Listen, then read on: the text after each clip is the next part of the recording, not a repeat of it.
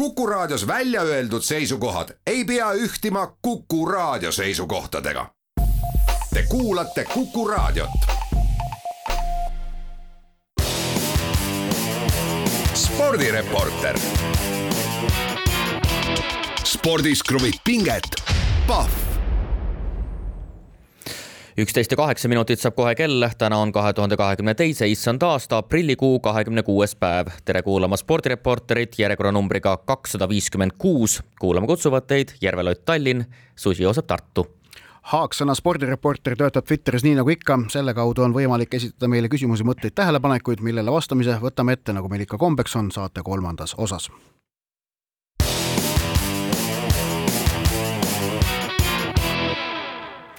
aga alustame spordireporteri saadet nagu ikka aktuaalsete ja kiirete teemadega ning teemaks number üks on ülimalt dramaatilise lõpplahenduse pakkunud Horvaatia ralli, tänavuse autoralli maailmameistrivõistluste sarja kolmas etapp, mis möödunud nädalavahetusel sõideti. möödus see etapp ju niimoodi, et Kalle Romandpera seda rallit varakult juhtima asus ja juhtis pikalt-pikalt, kord päris suure vahega, siis pärast rehvi purunemist veidikene väiksema vahega. Aga eh, eelviimase katsega tõusis ralli liidriks Ott Tänak tänu siis eh, teistsugusele rehvi valikule, mille ta oli viimasele päevale minnes teinud. Ning eh, kuna sellel eelviimasel katsel olid teed, sadas vihma ja, ja teed olid märjad, siis tema rehvi valik seal toimis palju paremini kui Kalle Rovanpera oma, sellega tõusis ta ühe koma nelja sekundiga Rovanpera ette liidriks.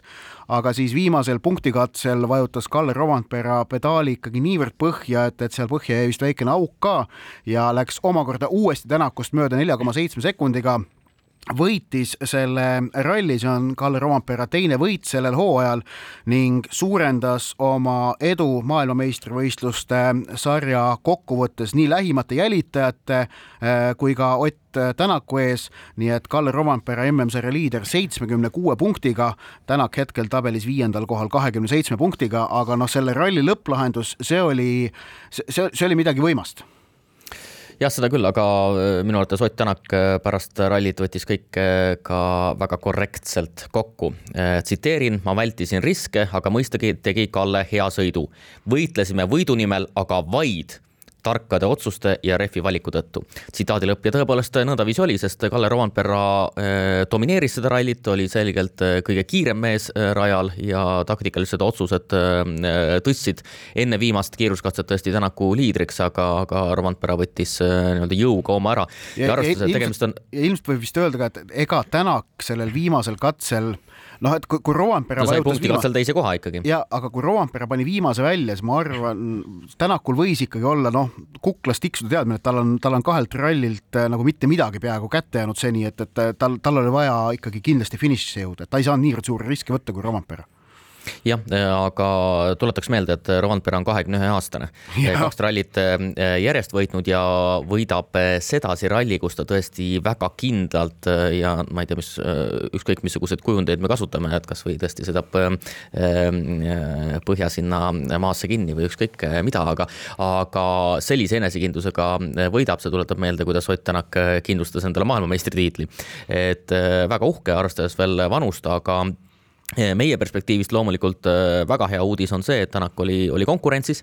Äh, tõsi, seal selliseid äh, häid uudiseid meie perspektiivist oli, oli, oli omajagu, kasvõi Neville'i karistused ja, ja nii edasi. aga pärast kahte täiesti ebaõnnestunud rallit, olgu need põhjused missugused tahes, olgu need otseselt sõitjasse puudutavad või, või mitte sõitjasse ega ka tiimi puudutavad küsimused, aga sellist korralikku tulemust alla oli hädasti tarvis aga ega see punktiseis rõõmustav sellegipoolest ei ole, Randpere juhib praegu kahekümne üheksa punktiga Thierry Neuvilli ees. Ja Tänak on viies, aga kolme ralli järel on vahe Randperega veninud veel suuremaks, see on juba peaaegu poolsada punkti, nelikümmend üheksa punkti, sisuliselt kaks rallit ja, ja tuletame meelde, autoralli MM-sari ei ole ülearu pikk, ikkagi ainult kolmteist etappi, millest kolm on juba sõidetud, et, et seal nagu selle poolesaja punkti tagasitegemine noh, nõuab ikkagi vägagi suurt äh, pingutust ja asjaolude kokkulangemist. no järgmised viis etappi kõik kruusarallid ja, ja eks näis, kas need suudavad seda suurt pilti kuidagi muuta ja millisel moel nad, no, no ilmselt mingil moel ikka muudavad, aga kuidas Hyundai nendeks valmis on. küll aga mul on tunne, et nüüd üks selline tõekspidamine, mida Eestis, eriti Eestis on armastatud rõhutada, aga tõele au andes mitte ainult Eestis, vaid tegelikult lugeda Dirtfishi portaali, mis on noh, maailma ralliajakirjanduse number üks koht praegu, siis on ju tegelikult eelmistel aastatel kogu aeg märgitud, et, et äh, puht, sellise puhta kiiruse mõttes Ott Tänakul MM-sarjas vastast ei ole. Äh, iseasi on see, kas, kas see auto ka finišisse tuleb, kui temaga väga kiiresti sõita, kas auto sellele valule vastu peab aga kas nüüd äh, on see asjaolu muutumas ja, ja MM-sarja kiiremaks meheks on tõusnud Kalle Rovampere?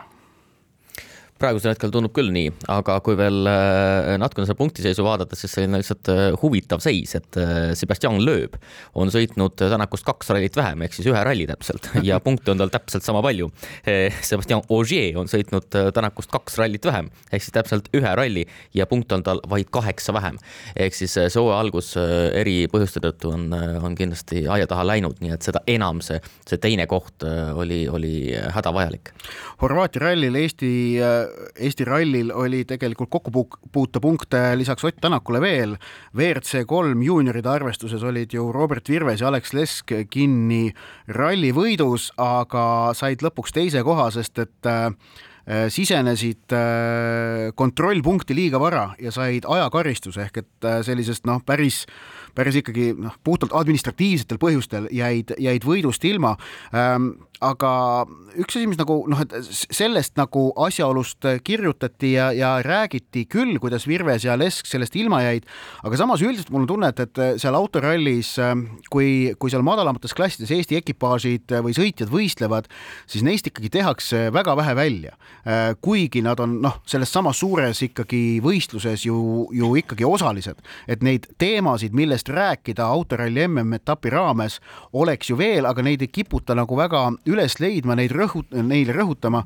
mulle tuleb meelde kohe murdmaasuusatamise maailmakarikasari seal noh, ütleme kuusteist, seitseteist aastat tagasi, kui, kui Veerpalu ja Mae olid tipus, aga siis, kui Eesti mehed sõitsid seal mingi kahekümne sekka näiteks, no kahekümnenda koha kanti öö, tulemusi, siis noh, Kaspar Kokk ja Priit Narusk oli minu arust seda tüüpi mehed näiteks, siis, siis neist nagu ei tehtud peaaegu üldse välja, et need olid nagu noh, löödi käega, et noh, mis, mis seal ikka, kuigi tegelikult noh, kahekümne sekka väga kõvad sõidud ju jah, äh, natukene tuleb meelde ka need vehklemise satelliitturniirid ja Ibu karikasari laskesuusatamises, aga, aga see pole päris võrdväärne. ei ole, sest need, see võistlus, vaatame... võistlus on sama, noh, ta toimub ja. sama võistluse raames, okei okay,, klassid ja, on erinevad. aga, aga kui me vaatame ka laiemalt äh, automotosporti, siis äh, tegelikult seda sügavust nendel spordialadel näevad ikkagi sellise väikse ringkonna inimesed, ehk siis ikkagi huvilised, kes on ikkagi selle ala fännid et eh, või, või, või ka asjatundjad, eksperdid ja nii edasi.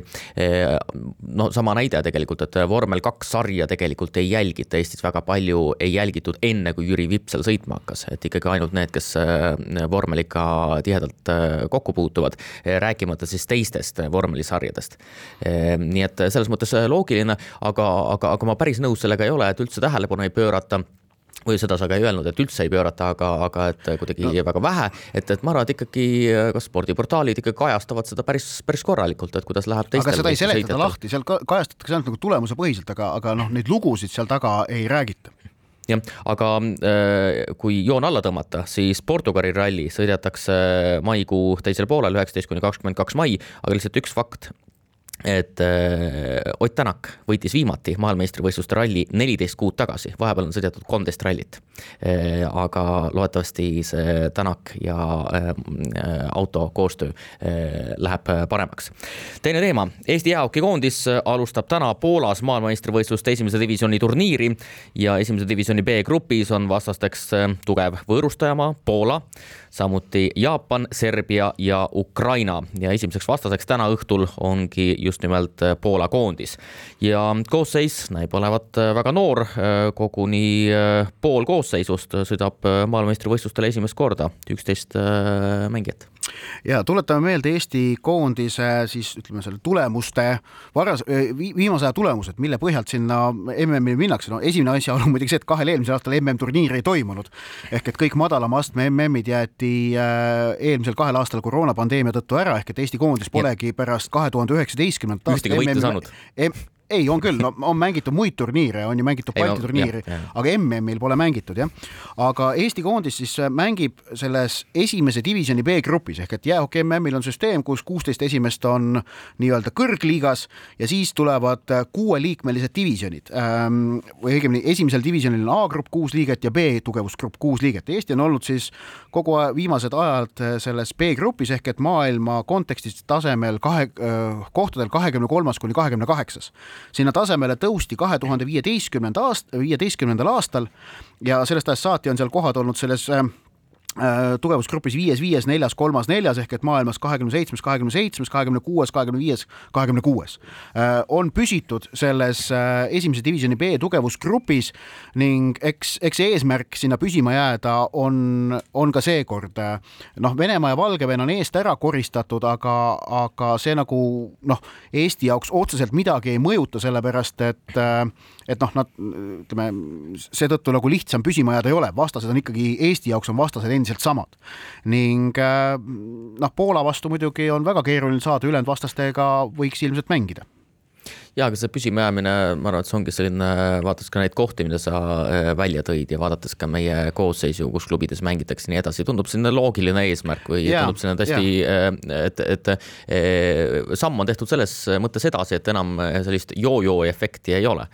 jah, et langeme ja siis tahame tagasi tõusta ja nii edasi. no just et, enne seda kahe tuhande viieteistkümnendat aastat, kui siis noh, sinna sel praegusel tasemel tõudi, oli vist, tõusti oli vist kuus-seitse aastat järjest oli üles-alla, üles-alla kogu aeg käimine nii et, aga jah, et, et see noh, kolmanda kümne keskel maailmas olla Eesti jäähokile, mida see nagu näitab, siis ehm, no arvestades seda, et professionaalse jäähoki hulk Euroopas on viimase kümne-viieteist aastaga ikkagi arvestataval määral tõusnud, et, et on, kui varem olid ikkagi ainult Soome, Rootsi, Tšehhi, Šveits sellised arvestatavad profiliigad, siis noh, Saksamaa, Poola, Prantsusmaa no,, Austria on, on pak- ja, ja ka Suurbritannia muuhulgas on, on ikkagi tekitanud arvestatava hulga professionaalset jäähokit Euroopas juurde, mis on omakorda laiendanud jäähoki sellist noh, kandepinda. Ja ma arvan, et see kolmanda kümne keskel olemine Eesti hoki jaoks on täiesti äh, noh, korralik tulemus, eks äh, kui see praegune noor koosseis, millega praegu MM-ile minnakse, kui see suudab nüüd äh, koos püsida, seda suudetakse kasvatada, siis võib olla mõne aasta perspektiivis reaalne rünnata esimese divisjoni A-gruppi ehk et siis kohtasid maailmas seitseteist kuni kakskümmend kaks, et proovida, kuidas seal hammas peale hakkaks jah, et äh, sinu jutu resümee võiks olla selline, et äh, see, et me püsime äh, maailmameistrivõistluste esimese divisjoni B-grupis, on kõvem sõna kui seesama näitaja oleks olnud näiteks kümme aastat tagasi jah, kindlasti, nõus, nõus. Aga läheme edasi ja teema number kolm ning räägime käsipallist, sest et nädalavahetusel mängiti Viljandis käsipalli Balti liiga finaalturniir. Äh, poolfinaalides Eesti klubid HC Viljandi ja Põlva Serviti said Vil-, Leedu klubidest Vilniuse Šviesast ja Klaipeda Dragunasest jagu ning omavahelises finaalis pühapäeval Viljandi alistas siis Põlva Serviti kakskümmend kaheksa, kakskümmend üks ning võitis Balti liiga, see on Viljandi käsipalliklubi jaoks nende ajaloo kahtlemata kõige suurem tiitel ja noh, nii finaalmängu kui ka poolfinaalis angariks kerkis ikkagi Viljandi väravvaht, Eesti koondislane Rasmus Ots äh, otsustavas mängus vist oli kaheksa, seitsme meetri vise, viset tõrjus äh, ära, et noh, see on, see on täiesti hullumeelne näitaja. Ja, ja mina alustaks kuidagi väga üldiselt kohe, et eh, vot see ongi midagi sellist, mida sport eh, peaks ühele kogukonnale pakkuma, sellist põlistama kogukonna kokkukuuluvustunnet ja tõesti, see on Viljandile väga-väga oluline sündmus. et mina veel mäletan, kui siis palju aastaid möödas on, kakskümmend neli aastat tagasi, mängis Viljandi Volle Eesti võrkpallimeistrivõistluste finaalis Tartuga ja see oli ikkagi noh, suur sündmus Viljandis ja ma arvan, et midagi, midagi sarnast on ka praegu ja arvestades veel no, no sa eh,, arvest... Viljandi spordihoone tribüün oli rahvast täis nendeks finaalmängudeks, seda oli äge oli vaadata. Jah, et see oli ikka korralik selline kogukonnapidu, et esiteks Eh, see eh, viimase neliku turniir mängiti õiges kohas, eh, seda esiteks, aga teiselt poolt vaadates ka, et mis on eri aladega Viljandis toimunud, vaadates, kuidas võrkpall on ära kukkunud, vaadates, mis jalgpalliga nüüd on toimunud. esiliiga, sellist... Viljandi tuleviku jalgpallimeeskond on praegu esiliiga põhjas, et nad taandusid ise kõrgliigast esiliigasse, aga nad on ka seal praegu selle tabeli põhjas jah, eh, ja, ja, ja seda enam ja arvestades ka seda, et tegemist on põhiturniiri võitjaga ja arvestades, et eh, Eesti eh, käsipalli meistrivõistlustel meistritiitel on veel praegu väga lahtine, et siin põhimõtteliselt kõik pannaksegi paika omavaheliste kohtumistega, et kes, kes võidab. maikuus tulevad veel kaks mängu ja mõlemad, tõsi küll, mängitakse Põlvas esimesel, üheteistkümnendal mail, need tulevad väga-väga tähtsad matšid. aga Viljandi on natukene peal praegu. jaa, just. jah aga neljas teema eh, ja kas me seda ütlesime, et sõelmänge ei peeta? Käsipalli meistrivõistlustel. ja sa ütlesid jah, me sellest ah, oleme okay. rääkinud isegi. jah, ehm, neljas teema ja jalgpalli meistrivõistlustel leidis aset koduse jalgpalli suurim vastasseis. FC Flora alistas äh, üleeile Danil Kuraksini ja Sergei Zenjovi väravatest äh, kaks-null Tallinna Levadia meeskonna ja Flora lõpetas esimese ringi täiseduga, võitis kõik üheksa kohtumist, kakskümmend seitse punkti koos ja Levadiat edestatakse viie punktiga. aga väravate vahe on äh, kõnekas, kõnekas, et kuidas on ikkagi saadud see koos kooslus äh, toimima praegusel hetkel. Äh, löödud kakskümmend viis, aga üheksa mänguga on endal lastud lüüa kolm väravat minu jaoks valmistas see pühapäevane matš kerge pettumuse, sellepärast et sellist äh, tõelist derbi õhkkonda selle üheksakümne minuti jooksul nägi vast seal esimese poole lõpus kuskil viiel-kuuel minutil, kui läks natukene tuliseks. aga muidu oli Flora ülekaal niivõrd selge ja ilmne et sellist tõelist nagu noh, vägevat pingevälja sinna väljakule Sportland Arenal ei tekkinudki. ja, ja see oli, sellest oli, oli kahju äh,. noh, tahaksin näha sellist nagu kõvemat sorti madinat, aga Flora esimene ring on olnud muidugi ülimalt muljetavaldav, eriti kui meenutame kahte asjaolu. võistkond kaotas äh, talvel kolm oma selget liidrit, põhiväravahi Matvei Igoneni, äh, põhi, kaitseliini liidri Märten Kuuse ja esiründaja Rauno Sappineni, kes kõik läksid välismaale. Need kõik äh, on suutnud Flora paigata, need, need äraminekud ning teiseks, Flora talvine ettevalmistus oli ikkagi päris, päris konarlik, nad alustasid seda hiljem, sellepärast et neil oli sügisel eurosarja tõttu pikem hooaeg. Ähm, koroona tõttu neil jäid mitmed äh, planeeritud treeningkohtumised ära, probleeme oli, aga kõigest sellest on suudetud läbi tulla.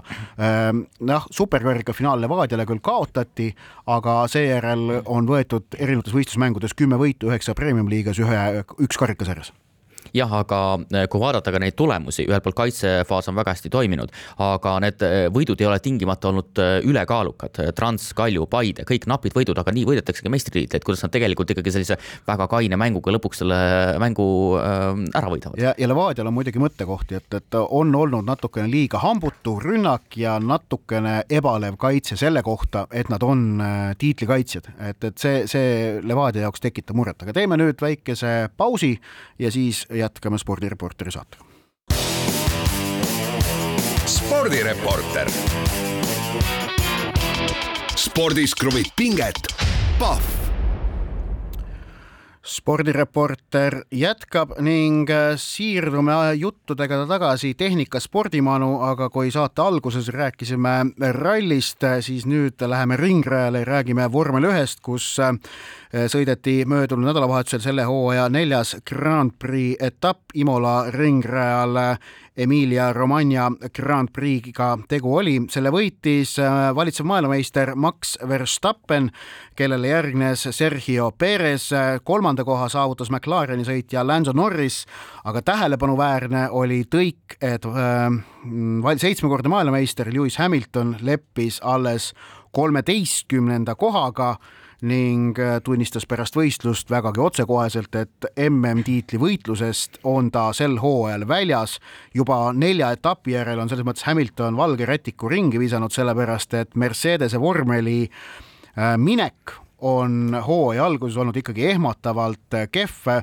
meeskonna boss Toto Wolf tunnistas, et tal on piinlik tšempionile Hamiltonile sellist autot anda, aga see on asjade praegu paraku praegune seis ning vast kõige kõnekamad kaadrid sealt äh, Imolast nädalavahetusel olid need, kui näidati äh, kokpiti kaamerast seda vibratsiooni, mida Mercedese piloodid Lewis Hamilton ja George Russell pidid äh, ringraja peasirgel noh, võib öelda vist taluma, äh, kuidas nende auto seal selle äh, sirge peal, kui gaas põhjas oli, käitus.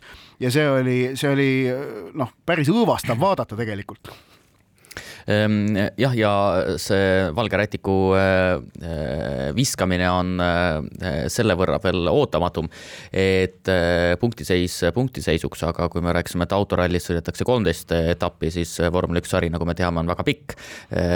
noh, siin kakskümmend kolm etappi. kakskümmend kolm etappi tänavusel aastal, ilmselt jah, päris, päris kindlat numbrit ei saa me praegu öelda. Ehm, aga seda enam jah, aga selgelt on näha, et, et need ennustused, mis hooaja eel tehti, ehk siis põhiennustus oli selline, et jätkuvalt ikkagi on Red Bull ehm, vastakuti Mercedesega eh, ja siis ilmselt McLaren ja Ferrari on neile natukene lähenenud ja on seal kolmas-neljas, et need eh, ennustused ikkagi on seoses reeglimuudatustega ehm, läbi kukkunud või ei ole tõeks osutunud, sest selgelt on praegu Ferrari ja Red Bull Äh, kaks kõige, äh, kõige kiiremat äh, vormelit. noh, neli. aga, aga, aga, aga selgelt, mis ka välja tuua, et Red Bulli noh, tunnustuseks, mida ikkagi välja tuuakse, on see, et kui esimestel etappidel oli Ferrari kiirem, siis tegelikult suudeti päris kiiresti reageerida ja viimasel etapil Red Bull sai juba noh, selgelt kiiremad masinad välja panna. Ja, ja noh, Ferrari mm, aga samas Ferrari seis on äkki isegi võiks öelda ootamatult hea ja sellele viitab ka asjaolu, kuivõrd valuliselt reageeriti praegu sellele Leclerc'i veale, mille ta nüüd siin Imolas tegi ja mille tõttu ta noh, ilmselt kaotas või võib-olla kaotas kolmanda koha punktid, ta lõpuks lõpetas seal võistluse kuuendana.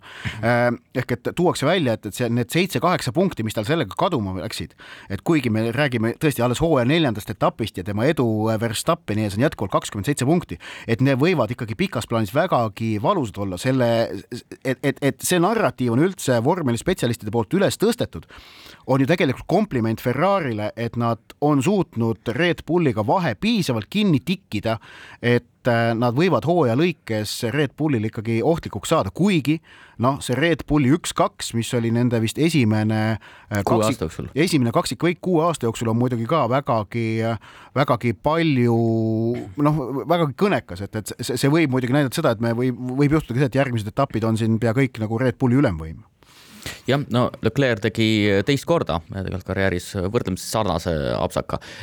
Ja, ja nagu ta ise ka ütles pärast väga lihtsa kokkuvõte, läksin ahneks.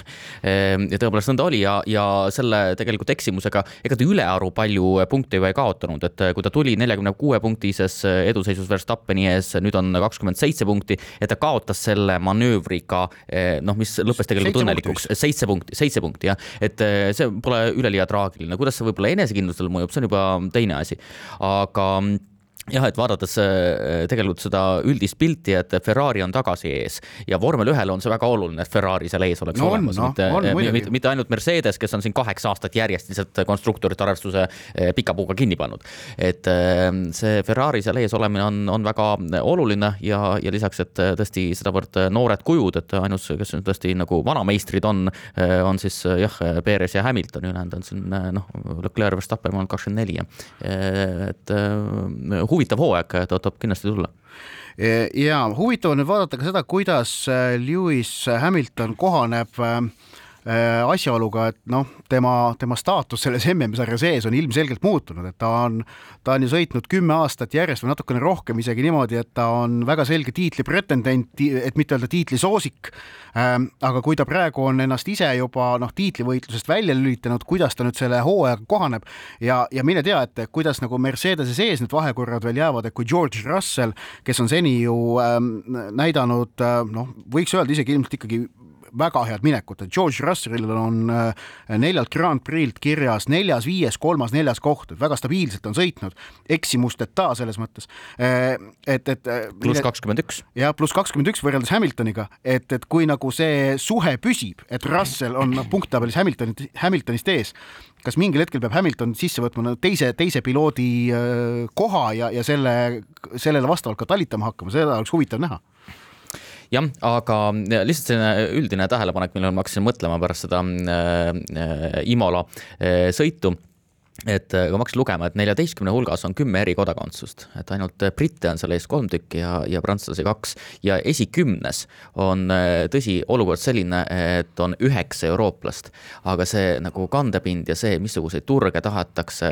seda näitab kogu see rahvuslik kooslus, et see on niivõrd kirju. päris huvitav on vaadata seda. aga lõpetame jutud vormel ühest, läheme vormel kahe juurde.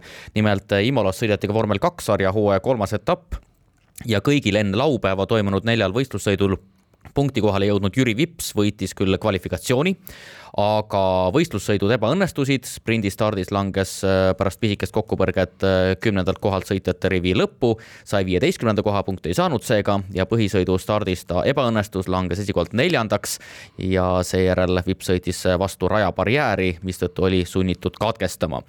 ja Vips enda kommentaar pühapäevale, pühapäevasele sõidule, väga selge sotsiaalmeedias vabandan kõigi ees, kes mind toetasid, põhisõidus tehtud viga on lubamatu.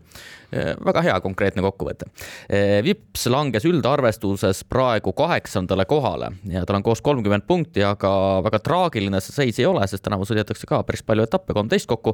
Äh, see oli alles kolmas etapp ja, ja punktivahed on tõesti väga väiksed, kolmandast kohast lahutab Vipsi kõigest kuus punkti ja ka, ja ka liidril on praegu viiskümmend kaks punkti, nii et vahe kakskümmend kaks punkti, nii et see, see punktitabeli osas ei ole see, ole see seis sugugi halb jah, aga noh, üks asi on punktitabel vormel kahes, aga noh, nagu me teame, Jüri Vips ju sõidab suure unistuse vormel ühe nimel. Ja see, milline on tema eksimisruum vormel ühte jõudmise šansse silmas pidades, me tegelikult ei tea mitte keegi, seda teab põhimõtteliselt ainult Red Bulli meeskonna juhtkond, kelle noh, alluvuses Vips ju tegelikult töötab.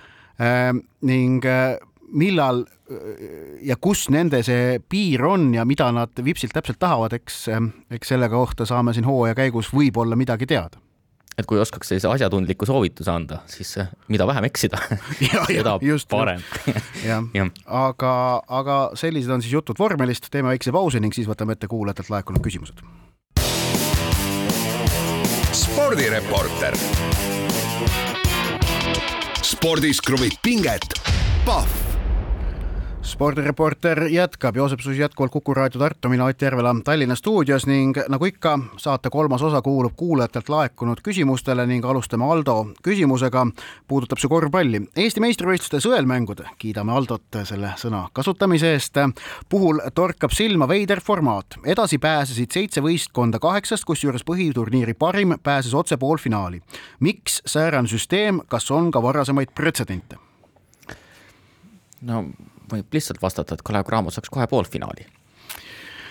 ma arvan, et õige vastus on see, et, et säärane süsteem äh, vastab kõige paremini meistrivõistlustel osalevate klubide tahtele ja huvidele ähm, see on siis see, et, põhiturniiri võitja, noh, ilmselt oli arvata, et selleks tõenäoliselt on Kalev Cramo, kes iganes on, et, et põhiturniiri võitja saaks mingi preemia. Äh, et põhiturniiril oleks ka pinge, peab keegi kindlasti play-off'ist äh, välja jääma ja, ja selleks oli siis seekord Rakvere Tarvas, kes jäi kaheksandaks ja, ja sõelmängudele ei pääsenud, aga et äh, võimalikult palju satse ikkagi saaksid seal veerandfinaalis osaleda, siis tehtigi kolm veerandfinaalpaari ja, ja, ja põhiturniiri võitja otse poolfinaali. mul on tunne, et see nagu vastab selle kaheksa võistkonna huvidele säärane formaat äh, kõige paremini, see on ka täiesti loogiline. Äh, et, et, et sest et noh, nüüd veerandfinaalidega on võimalik ka rahvast saali tuua, need pakuvad pinget, need pakuvad huvi tundub nagu loogiline süsteem jah, no alternatiiv oleks, et äh, kaks pääsevad otse poolfinaali ähm, ja siis kohad kolm kuni kuus mängivad siis äh, välja omavahel veerandfinaalides kaks poolfinaali kohta. jah, see oleks nagu teine, teine jah, alternatiiv. aga, aga noh, tehti, tehti üks, üks võimalus juurde, noh, ilmselt tunnetati, et see on nagu kõigile paslikum variant ja noh, minu meelest nagu mõistlik, äh, kui, kui, kui nagu asjaosalised niimoodi tahtsid, siis et, et see asi ka niimoodi lahendada. huvitav on nüüd see, kas Cramo kes peab veerandfinaale no kõrvalt vaatama, et, et, et kui nad poolfinaalis vist lähevad kokku Viimsi ja Tartu Ülikooli paari võitjaga, ei, jah võimalik, ei vist mitte. igatahes noh, et kuidas Cramo poolfinaaliks valmis on, kui teised tulevad mängu, mängude pealt? Äh, Madis on esitanud küsimuse, Müncheni Bayern võitis kümnenda meistritiitli järjest, kus on pinge? kas selline liiga saab üldse olla atraktiivne, kui võitja on ju kohe alguses selge, on ju ilmne, et Bayern võidab ka aastal kaks tuhat kakskümmend kolm? no Saksamaa Bundesliga pole Euroopa tippliigade seast ainukene, kus säärane probleem valitseb, ega Prantsusmaa kõrgliigas ähm, on ju samamoodi hooaja alguses sisuliselt selge, et Pariis Saint-Germain võidab, kui just midagi väga-väga ootamatut ei juhtu. kes mullu võitis? mullu võitis Lill ja, aga no ma ütlen, juhtus midagi väga ootamatut, aga, aga no üldiselt ikkagi on ka Prantsusmaal asjad vägagi selged. Ähm, Saksamaa liigale äh, on Bayerni ülekaal probleem tegelikult ainult ühes plaanis, see on see just nimelt sportlik äh, noh, selline huvi on või sportlik pinge on seetõttu madal, aga kõikides muudes aspektides, mille järgi nagu jalgpalliliigade edukust hinnata, on Saksamaa Bundesliga üllataval kombel sellest Bayerni domineerimisest äh, puutumata. et noh turunduslikult, äriliselt äh, sellistes pla-, masta-, sellistes äh, segmentides äh, Bundesligal probleeme ei ole, nad, nad esinevad väga hästi ja saavad igati kenasti hakkama. ja Bayerni see valitsemine seal midagi ega kedagi ei sega, aga noh, tõsi on jah see, et, et sellist nagu sportlikku pinget paraku on tiitlivõitluses vähe ja aga äh, heidan pilgu natukene kaugemasse minevikku. Ehm, aastad kaks tuhat neli kuni kaks tuhat üksteist Saksamaa Bundesligas, äh, kaheksa aastat ja viis erinevat võitjat, mitte kaua aega tagasi. Werder võitis, Stuttgart võitis, Wolfsburg võitis ja siis tuli Dortmundi äh, kaks võitu järjest, et Bayern võitis kaheksast aastast neli.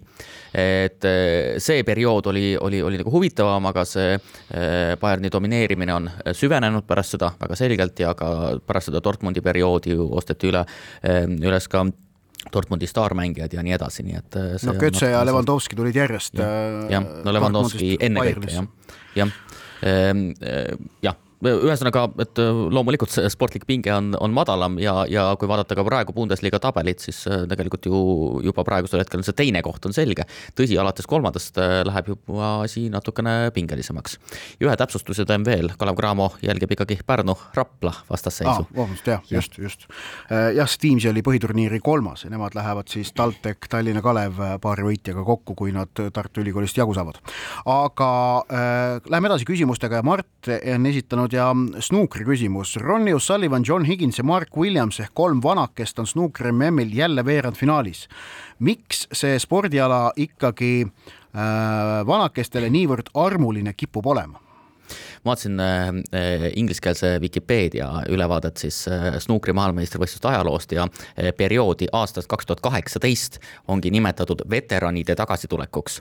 aga kui praegu vaadata veerandfinaalidesse pääsenud mängijaid, siis see tõesti, see vanuseline koosseis on väga-väga kummaline. on, on. kahe, kaheksast viis on vähemalt neljakümne viie aastased, ei kaheksast neli. ja, ja, ja Steven Maguire on veel nelikümmend üks jah, kaheksast viis on nelikümmend pluss ja kaheksast seitse on vähemalt kolmekümneaastased, vaid Jan Pingtao Jan Pingtao on ainsana kahekümne kahe aastane noorukene. Ehm, nii et äh, tõepoolest, et vanameistrid mängivad, et tõesti O'Sullivan nelikümmend kuus, Higins nelikümmend kuus, Williams nelikümmend seitse. Ehm, ja Bingham nelikümmend viis jah, et äh, aga, aga loomulikult see põhitähelepanu, mul on tunne ikkagi on seotud Ronnie O'Sullivaniga eh,. noh, ühelt poolt see, et ta on lihtsalt see snuukri esindusnägu olnud pikka aega, rääkimata noh, arvates tema äh, kuju, kuidas ta mängib ja kõik edasi tema, aga ka välispidised tegurid, kõik see depressiooniga võitlemine ja nii edasi eh,. aga ikka see põhiküsimus, kas see Steven Hendry seitse jääb või ei jää nojah, see selleks, aga, aga O'Sullivan on siis ainukene nendest vanakestest, kes äh, mängib oma veerandfinaali teise äh, vanakese vastu ehk et tema vastaseks ongi Maguire, neljakümne ühe aastane. kuidas see võimalik on, et ainuk, ainuke ainuke neist mainitud jah. Ja, ja, ja, kummaline, et ainuke, ainuke ülejäänud kolm veerandfinaali on siis ütleme, vanamängija versus noormängija. Ja, ja noh, et äh, on, on huvitav vaadata, kuidas no Mark Williamsi ja Jan Bingtao matš on, ma arvan, eriti põnev vaadata, kuidas, kuidas see noor hiinlane Williamsiga hakkama saab.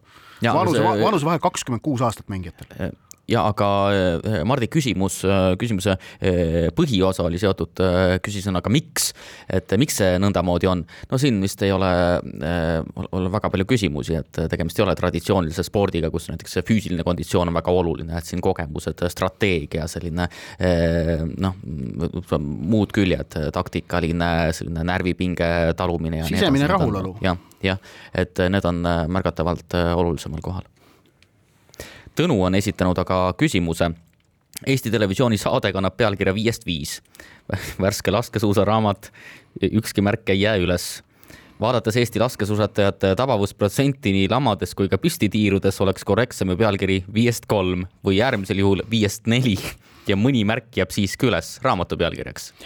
Raamat ei räägi kaugeltki mitte ainult Eesti laskesuusatamisest, vaid, vaid ka maailma tippudest väga äh, olulisel määral, nii et äh, raamatu pealkirja osas ei ole nagu, ei, ei ole minu arust midagi kobiseda, aga siis viiest viis, et noh, siis tuleb võtta seda ikkagi eesmärgina, sellise ilusa ilusa sihina, mille poolest pürgida, mitte asjade reaalsust peegeldava pealkirjana. aga huvitav oleks see, kui tõesti, et pealkiri olekski äh, selline dünaamiline, pidevalt muutuv, näiteks et ja, ja sõltubki Eesti laskesuusatajate äh, see lasketabavusest, ehk siis näiteks viiest. kolm ja pool kolm, kolm koma üheksakümmend kaheksa näiteks või midagi sellist, jah ja üks küsimus veel, Clara on esitanud ja läheme tagasi jalgpalli juurde. Äh, tundub, et meistrite liiga poolfinaalidest rääkides on seekord väga selgelt keskendutud peatreeneritele. kas vastamisi on maailma neli parimat klubitreenerit? kas klubi edu sõltub ennekõike peatreenerist, kas Manchester United oleks praegu Liverpooli asemel, kui Jürgen Klopp oleks läinud Unitedisse, mitte Liverpooli? Need oleksid on väga-väga keerulised, et äh, kui me vaatame tegelikult, kes need äh, neli treenerit on, siis noh, okei okay,, Klopp, Guardiola on sellised, kellel väga suuri ebaõnnestumisi ei ole olnud, jah, välja arvatud siis Kloppi viimane periood Dortmundis. Ehm, aga kui me vaatame Villareali peatreenerit, kes on olnud harukordselt edukas tõesti Hispaanias, aga BSG-s, Arsenalis sisuliselt põrunud. Ehm, kui me vaatame Carlos Ancelotit, kes, kes on olnud väga edukas, on olnud ka väga suuri sellised no ta on olnud ikkagi igal pool väga edukas, no Madridi Real võidab nüüd kohe-kohe Hispaania meistritiitli, Ancelotist saab esimene treener läbi aegade, kes on viis tippliigat ära võitnud peatreenerina. jah, et no mina ütleks äh, kuidagi nii, et, et äh, ei tea kunagi jah, et oleks Ancelotti läinud Manchester Unitedisse, ma väga ei usu, et, et, et Klopp läinud, ei tea jah, et see sõltub mina paljudest, nii paljudest nüanssidest, et loomulikult oleks läinud paremini minna, aga kui vaatame, kes on Unitedit juhendanud, noh, Mois, Van Gaal, Murillo toodi isegi Ralf Rangnick Saksamaalt Saksamaalt kohale, et noh, nagu kõvemaks ei saa need nimed eriti minna, välja arvatud võib-olla need neli, kes, kes meil jäävad. mina arvan, et kui Jürgen Klopp oleks läinud Manchester Unitedisse, siis ei oleks United praegu Liverpooli asemel, Unitedi juhtimisstruktuur äh, peatreenerist ülevalpoole on põhjus, miks sellel klubil ei lähe praegu üldse hästi. aga nüüd teeme pausi ja siis räägime meistrite liiga poolfinaalidest veidikene pikemalt. spordireporter spordis kruvib pinget, Pahv täna tehakse algust jalgpalli meistrite liiga poolfinaalidega. täna õhtul kell kümme võõrustab Manchesteris kohalik City Real Madridi, homme õhtul Liverpool mängib koduplatsil Villarealiga ja mul on tunnu, tunne, et vähemasti Eesti jalgpalli üldsus äh, soovib, et äh, finaal oleks Inglismaa klubide siseasi, ehk siis äh, kaks klubi, kes ilmselt praegusel hetkel Euroopa jalgpallis näitavad kõige kaunimat jalgpalli. et see oleks selles mõttes viimaste aastate arengute mõistes väga loogiline. et kõnekas on loomulikult juba see, et kaks Inglise klubi, kaks Hispaania klubi, aga kui aastatel kaks tuhat kolmteist kuni kaks tuhat seitseteist ei mänginud ükski Inglise klubi meistrite liiga finaalis, siis pärast pärast seda viimasest kaheksast finalistist koguni viis on olnud Inglise klubid ja ma nüüd ei ole kindel, kas tingimata Inglismaa klubide finaali soovib Eesti jalgpalli üldsus, aga Liverpooli soovib Eesti jalgpalli üldsus kohe kindlasti seal finaalis näha, see on nagu ilmselgelt tunda igalt poolt, et. mina ei soovi äh, noh, mul nagu Liverpooli osas mingit sellist äh, otsest nagu tunnet ei ole, küll aga mulle meeldiks see, kui Via Real jõuaks see finaali, sest et noh, et ja kui Via Real kogu selle pulli kinni paneks, see oleks muidugi kõige toredam asi üldse. kui Via Real tuleks meistrite liiga võitjaks ja, ja noh, sest et iga kord, kui jalgpallis äh, suured saavad vastu nina, eriti kui need suured on superliiga asutajad olnud, siis see teeb mul heele, meele niivõrd rõõmsaks, nii et äh, viva la Via Real jah, ehm, kohakene siis, kus on noh, pea kaks korda vähem inimesi kui Tartus ja. Eh, elab jah, eh, aga kindlasti see eh, oodatum poolfinaal, vähemasti vaadates nende noh, klubide nimesid, on siis ikkagi Manchester City ja Real Madrid. et selles vastasseisus tundub praegusel hetkel vaadates Reali esitusi, nii näiteks, näiteks nagu BSG vastu ja aga, aga ka näiteks veerandfinaalis, et need Reali mängud ei ole eriti veenvad olnud. Nende eelis on loomulikult see, et meistrite liigas nad üldiselt jõuavad väga kaugele, treener on Ancelotti, kodune meistritiitel kindlustatud Manchester City seest praegusel hetkel veel kodus äh, võitleb meistritiitli ähm, eest Liverpooliga. Ja, ja teiselt poolt meistrite liigat pole nad suutnud seni võita vaata teist paari, siis Villarreal korra on jõudnud finaali. Liverpool, nagu teame, on kuuekordne meistrite liiga võitja, aga, aga Liverpoolil seisab ees siis äh, tegelikult äh, laial rindel väga olulisi kohtumisi. ehk siis äh, aetakse taga ikkagi nelja karikavõitu praegu, neist üks on käes alles. kodune liiga ja äh, Inglismaa karikavõistlused äh, noh, seisavad veel ees, nii et äh,, nii et Liverpoolil on väga keeruline periood äh, ees seismas. no ma ei ole kindel, kuivõrd väga see keeruline ikkagi on, sest et äh,. siin tuleb ikkagi valikuid hakata langetama, et äh, millele rohkem rõhku panna, mul on tunne eh,.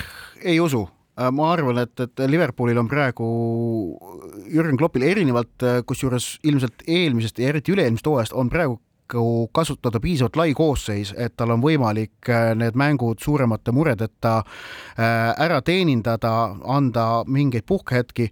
noh, muidugi Via Reali vastu homne matš Liverpooli jaoks on selles mõttes tähtis, et kui neil õnnestuks avamängus saada kätte noh, enam-vähem turvaline edu, see annaks äh, korduskohtumiseks mingit hõlpu ilmselt ja, ja see noh annaks äkki siis jah, võimalust äh, kodustel meistrivõistlustel veidikene rohkem äh, pingutada ja panustada. Ähm, aga, aga ma ei usu, et tegelikult noh, need, need, need, need otsustavad mängud küll, noh, neid mänge on nüüd Liverpoolil küll päris tihedalt, aga ma arvan, see raske aeg on Liverpoolil juba üle elatud. raske aeg oli nende jaoks äh, jaanuar, kui äh, juhtmängijad olid Aafrika meistrivõistlustel ära, aga nad tulid sellest jaanuarist-veebruarist ju puhaste paberitega läbi. nii et äh, see nelikvõit, nagu me siin üks nädal ka tõdesime, neil on ootamatult hea võimalus see tõesti ära võtta, sest et nad on meistrite liigas praegu soosik number üks, nad on Inglismaa karikafinaalis Chelsea vastu favoriit ning meistrivõistlustel on Man City küll punktiga neist ees, aga noh, Liverpooli šansid kahtlemata on, on arvestatavad. Ent.... aga Liverpooli vastane on Villarreal ja ma tuletan meelde, eh, eh, kelle Villarreal teel poolfinaali alistas, et kõigepealt Torino Juventus, pole sugugi paha, ja seejärel Müncheni Bayern. No,. ja, ja, ja mõlemad Bayern vastased mängiti üle, mängiti üle kusjuures, et, et jah, tõsi, mitte küll niimoodi noh, territoriaalselt ja mänguliselt, aga taktikaliselt mängiti mõlemad vastased selgelt üle ja, ja ka võitluslikkuse ja meelekindluse osas oli Via Real oma vastastest selgelt parem. nii et ei noh, kindlasti Via Reali noh, üllatusvõimelisuses eh, oleks väga narr kahelda, see kindlasti on olemas. Liverpool muidugi on selge favoriit selles paaris. Man City Real ähm, noh, vaatasin äh, üldiselt hinnangud ka maailmas kipuvad olema, et, et Manchester City on kerge soosik ähm, aga, aga see Karim Benzema faktor on minu jaoks ikkagi asi, mis võib seda võistluspaari äh, muutma hakata, et Manchester Cityl hetkel ju tegelikult sellist no minu meelest ikkagi sellist maagilist mängijat ei ole, Kevin De Bruyne suudab no küll on. pakkuda. no ikka on. no suudab pakkuda vaadata... mingeid hetki, aga, aga Benzema, no vaata, vaata need ka, ka kübaratrikid, mis ta lõi nii BSG-le kui, kui Chelsea'le noh, need väravad, mida Benzema on suutnud teha, mitte millestki tekitada väravaid väga vajalikel hetkedel. noh, Karim Benzemast praegusel hetkel paremas vormis olevat mängijat maailma jalgpallist otsida on päris keeruline no ikkagi ma ütleks, et City belglane on, vaadates ka mänge äh, Liverpooliga või, või vaadates üldse, mida ta kodu, koduliigas teeb, et kuidas ta suudab äh, noh, see noh, mina. aga Karim Benzema lööb mitte millegi pealt väravaid noh, De Bruyne tekitab mitte millestki äh, võimalusi, ehk siis De Bruyne on selles mõttes kõige loovam mängija, et ta ei otsi kunagi vaba positsiooni või vabat tsooni platsil, vaid ta otsustab, et kui, kui seda ei ole, siis ma loon selle, ma kehtestan selle. et noh, see on loova mängija tunnus, umbes nagu Luka Modric tegi ühes olukorras, aga, aga, aga see selleks. no just, aga täna õhtul siis Manchester City, Madridi Real, homme õhtul Liverpool, Via Real, kordusmängud nädala pärast, aga enne kordusmänge me saame nädala pärast rääkida sellest, mis esimestes mängudes juhtus praegu on meil aga aeg, Joosep, liikuda soovituste juurde, sest saateaeg hakkab otsa saama. mina soovitan elada kaasa Eesti jäähokikoondisele, vaata ka otseülekannet. täna õhtul mängitakse esimese eh, divisjoni B-grupis eh, siis eh, Poolaga minu soovitus on pühapäeval kell seitseteist null null elada kaasa käsipalli Eesti meistrivõistluste mängule Põlva Serviti HC Viljandi. Äh, Mesikepa hallis mängitakse, kui Viljandi selle mängu suudab võita, peaks Eesti meistritiitel neil ikkagi noh, üheksakümmend üheksa protsenti käes olema, kui ei võida, siis äh, selgub meister ilmselt üheteistkümnendal mail. üheksakümmend kaheksa üheksakümmend kaheksa, no selge. aga praegu äh, on meil aeg saade, saatel joon alla tõmbata ning soovides Eesti jäähokikoondisele edu ja reipust, paneme mängima ühe vägagi reipa ja vahva pala Tšumba-Vambalt